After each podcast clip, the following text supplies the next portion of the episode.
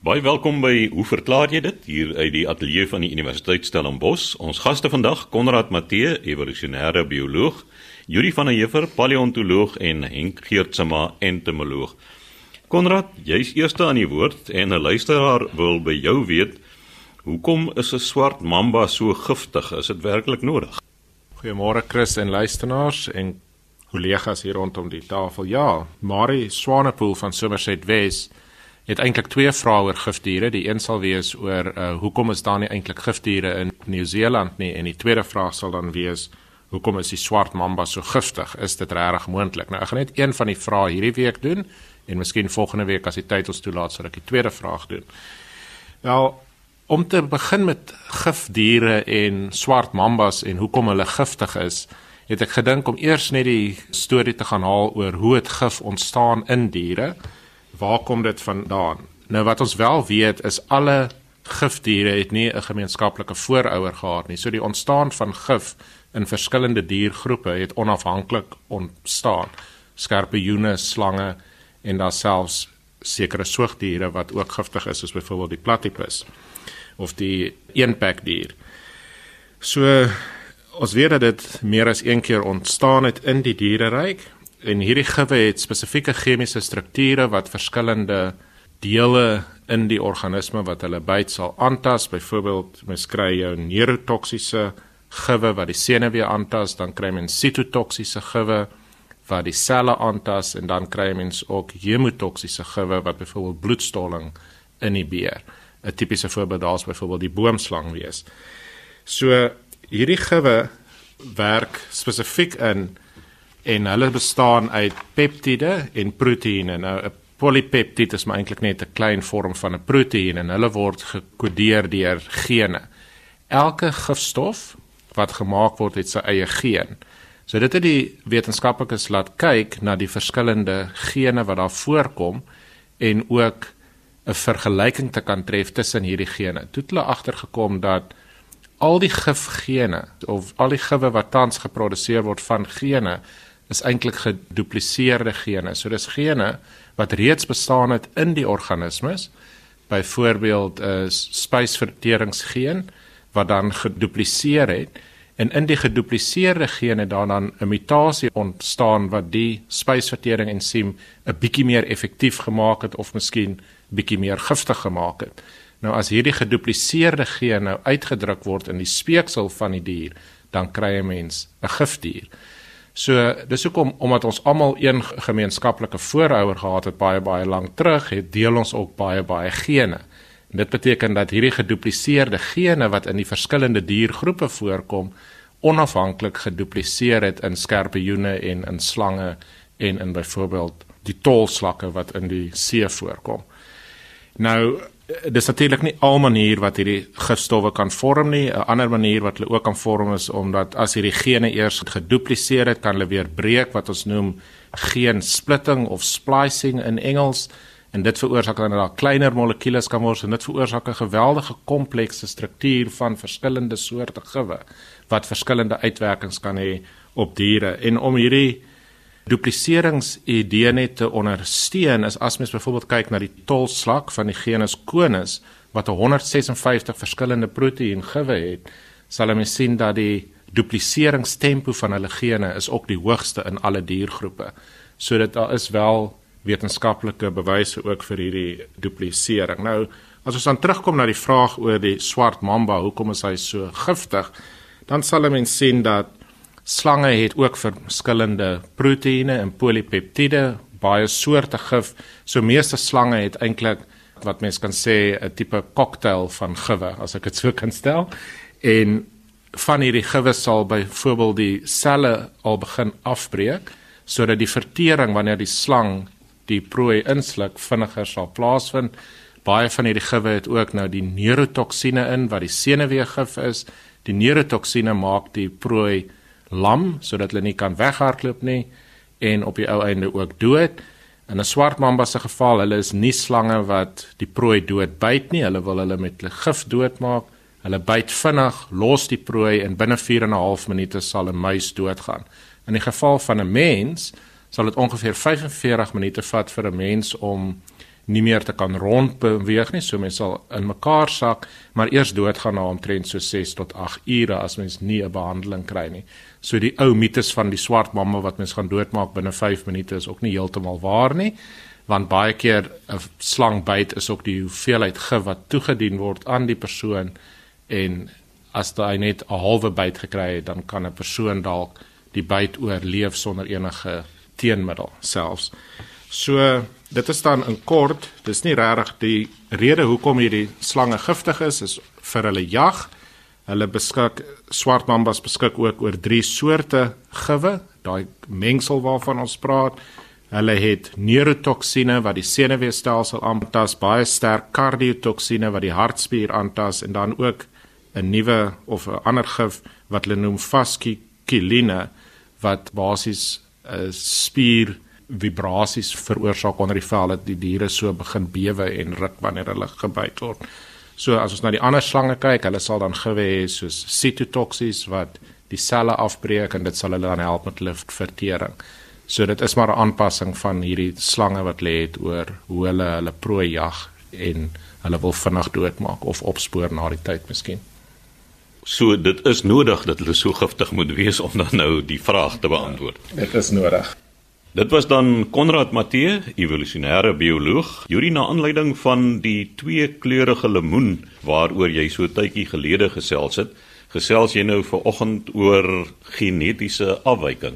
Chris, ja, die kenner wat ons geraadpleeg het oor die lemoen het juis verduidelik dat dit 'n genetiese afwyking is wat die kleurverskille veroorsaak het en toe het hy die woord chimera gebruik wat hulle in die sitrusbedryf gebruik om so 'n verskynsel te beskryf en as gevolg daarvan kry ons toe 'n brief van Neil Steenkamp en hy verwys na kleurpatrone in vrugte se skille en hy noem dat Janet Strydom van Hermanus 'n rukkie gelede 'n appel gekry het met 'n baie skerp kleurskeidslyn op die skilfoto aangeheg. Nou ek het vir kollegas die foto saamgebring van 'n appel wat pragtig rooi aan die een kant is en dan so vertikaal verdeel is en aan die ander kant is dit so 'n geelerige appel met rooi spikkels.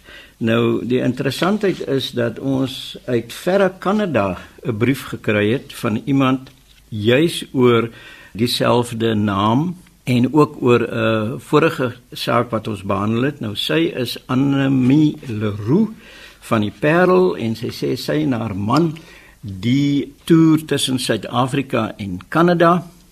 Sy sê nie of hy 'n mediese dokter is nie, maar daar is dokters wat dit doen.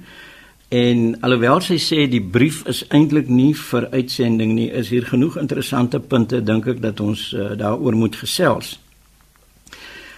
Anami sê dat hulle vertoef tans toe sy die brief getik het in die Kanadese dorpie Fort Vermilion en dit is in die noorde van Alberta geleë langs die sogenaamde Peace River en Die dorpie het in die 2016 sensus net 639 mense inwoners gehad, maar daar's twee skole, 'n ijshokkiebaan, 'n danssaal, 'n hospitaal en vier kerke. Sy sê dat sy het die 'n aardige ervaring gehad. Ek dink baie van ons het dit al ook gehad. As jy nou 'n nuwe motor koop of jy hoor 'n nuwe woord skielik binne die volgende paar dae begin jy daai motors raak sien of jy hoor weer die woord uit 'n heeltemal 'n ander oord. En sy sê presies dieselfde ding het met haar gebeur want sy het 'n uh, eh, paar weke gelede op Kanadese TV die BBC program gekyk met die naam van Weird Wonders of the World. En dis vol ongelooflike werklike weergawe van die mees eienaardige dinge. En op die program hoor sy toe die woord chimera. Die heel eerste keer.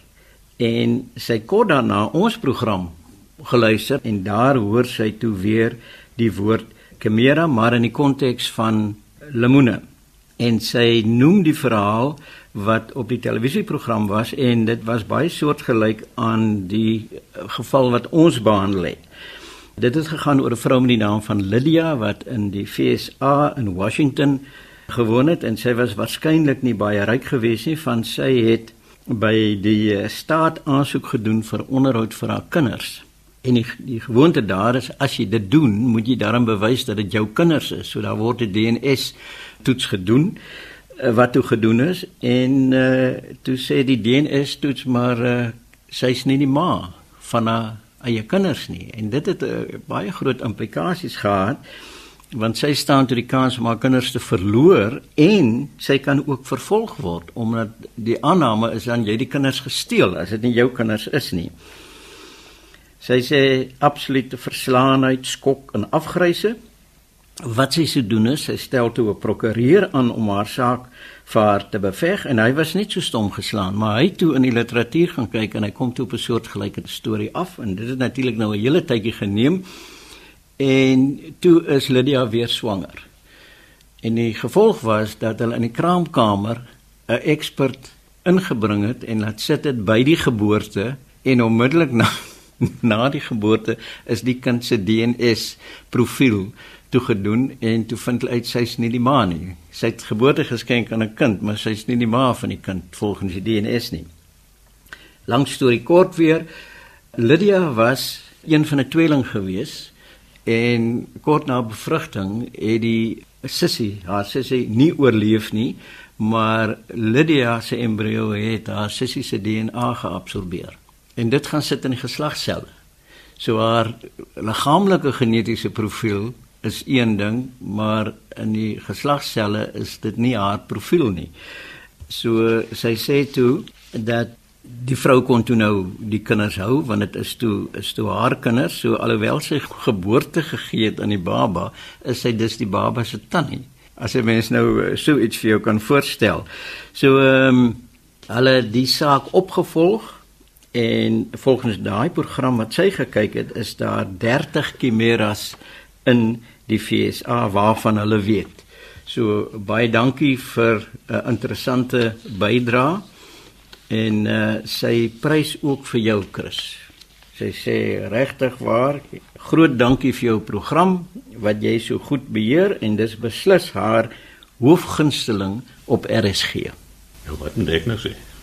Want dis goeie nuus. so sê Juri van der Heever, ons paleontoloog, volgende aan die beurt, Henk Geertsma, entomoloog.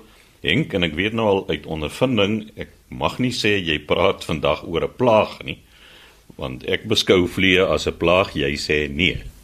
Ek het 'n brief hierso van Leon Hugo. Hy sê is emeritus professor van die Universiteit van Pretoria.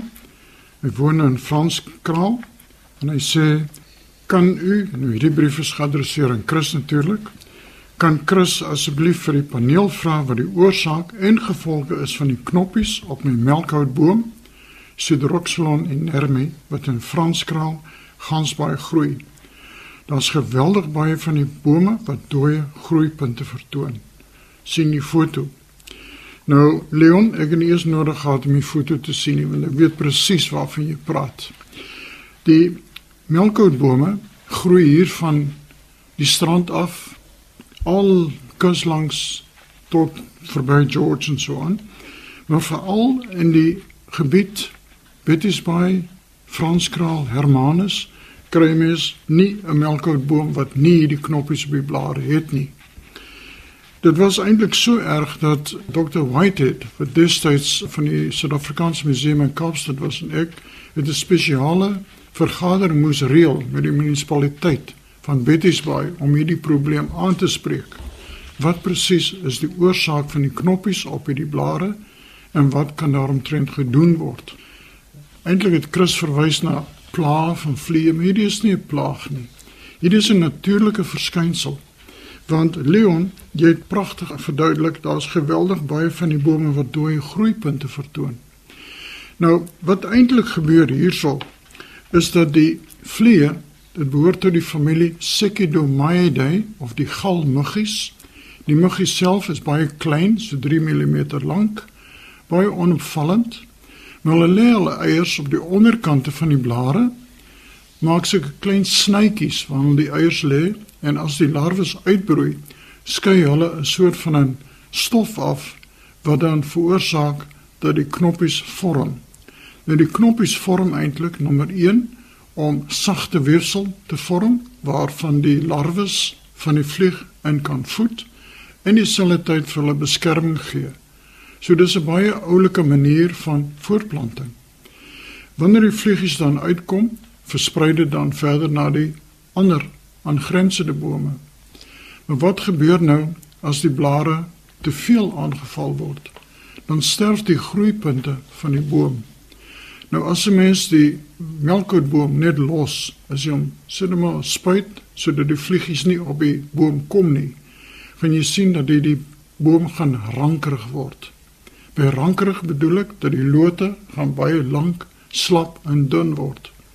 Nou hierdie aanvalle deur hierdie galmuggies veroorsaak eintlik dat hierdie lang slap latte nie gevorm word nie en dat die boom eintlik terugsterf vanaf die groeipunte. En dan sal 'n mens sien wat wanneer die groeipunt terugsterf, vorm daar vertakkings. En dit is juis wat die kenmerkende vorm van 'n melkoutboom skep.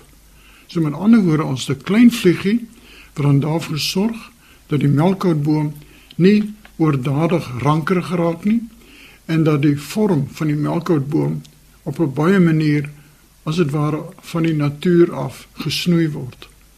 Want jy kan ook voorstel, hierdie boom groei by kusstreke.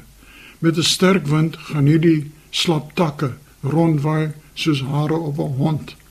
Hierdie vliegie sorg daarvoor dat die boom netjies geskeur bly in die sterkste suidooswind. So Leon, Moenie bekommerd wees nie, dis 'n natuurlike verskynsel en as jy nou mooi kyk na die melkoutboom, sê jy sien hoe dan die vorm van die boom veroorsaak word juis deur die groeipunte wat dood is en dan vertakkings onder die dooie groeipunt vorm. En kan ek net vra, ek het nou al sulke knoppies op my suurlemoenboom se blare gesien, maar ek het dit vereenselwig met dopluise. Doen hulle dieselfde of is ek nou totaal verkeerd? Nee, die vorm van galle deur insekte vind plaas op verskeie maniere. Die galmuggies is baie interessant. Hulle val dan die weefsel aan. Die weefsel maak 'n swelsel. Die knoppies wat mense op suurlemoen kry, veral op die cultivar Eureka, baie bekend, word eintlik deur 'n myt veroorsaak. Met ander woorde, die myt beskadig ook die plantweefsel. Die plantweefsel vorm dan oordadige plantweefsel wat dan 'n holte vorm waarin die myt skuil en op die manier kan voed. Byvoorbeeld stinkhout. As mens kyk na stinkhout se blare, die latynse naam van stinkhout is Ocotea bullata. Bullata verwys na knoppies.